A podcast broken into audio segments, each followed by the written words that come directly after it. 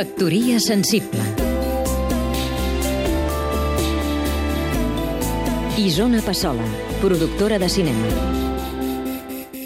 Quan ens demanen amb to de dubte si existeix una identitat cultural europea, podem respondre amb tota naturalitat que sí.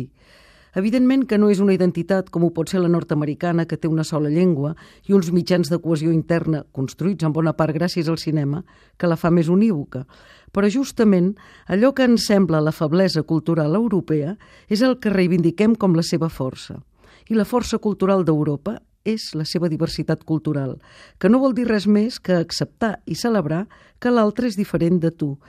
I amb aquesta diferència et suma no només els valors estrictament artístics, sinó també els de respecte, solidaritat, comprensió, generositat i incorporació d'allò que no coneixes i que forçosament t'enriqueix. I quina és la llengua d'Europa? La llengua d'Europa és la traducció, perquè una llengua no serveix només per comunicar-se, com alguns es pensen, sinó per acceptar i celebrar les diverses concepcions del món, amb una mirada de calidoscopi oberta, complexa, i no de mirall que ens reflecteix només a nosaltres mateixos i que forçosament ens empobreix. Això és el que celebrarem el 7 de desembre a Berlín durant la cerimònia dels Premis de l'Acadèmia Europea de Cinema, on, per primera vegada des de que l'Acadèmia Catalana de Cinema en forma part de ple dret, hi han quedat com a finalistes dues pel·lícules catalanes, Blancaneu de Pablo Berger i La plaga de Neus Ballús,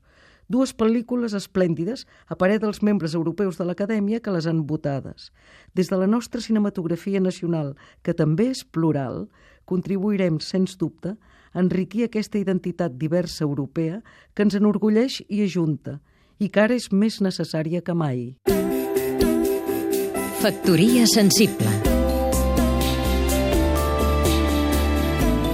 Seguim-nos també a catradio.cat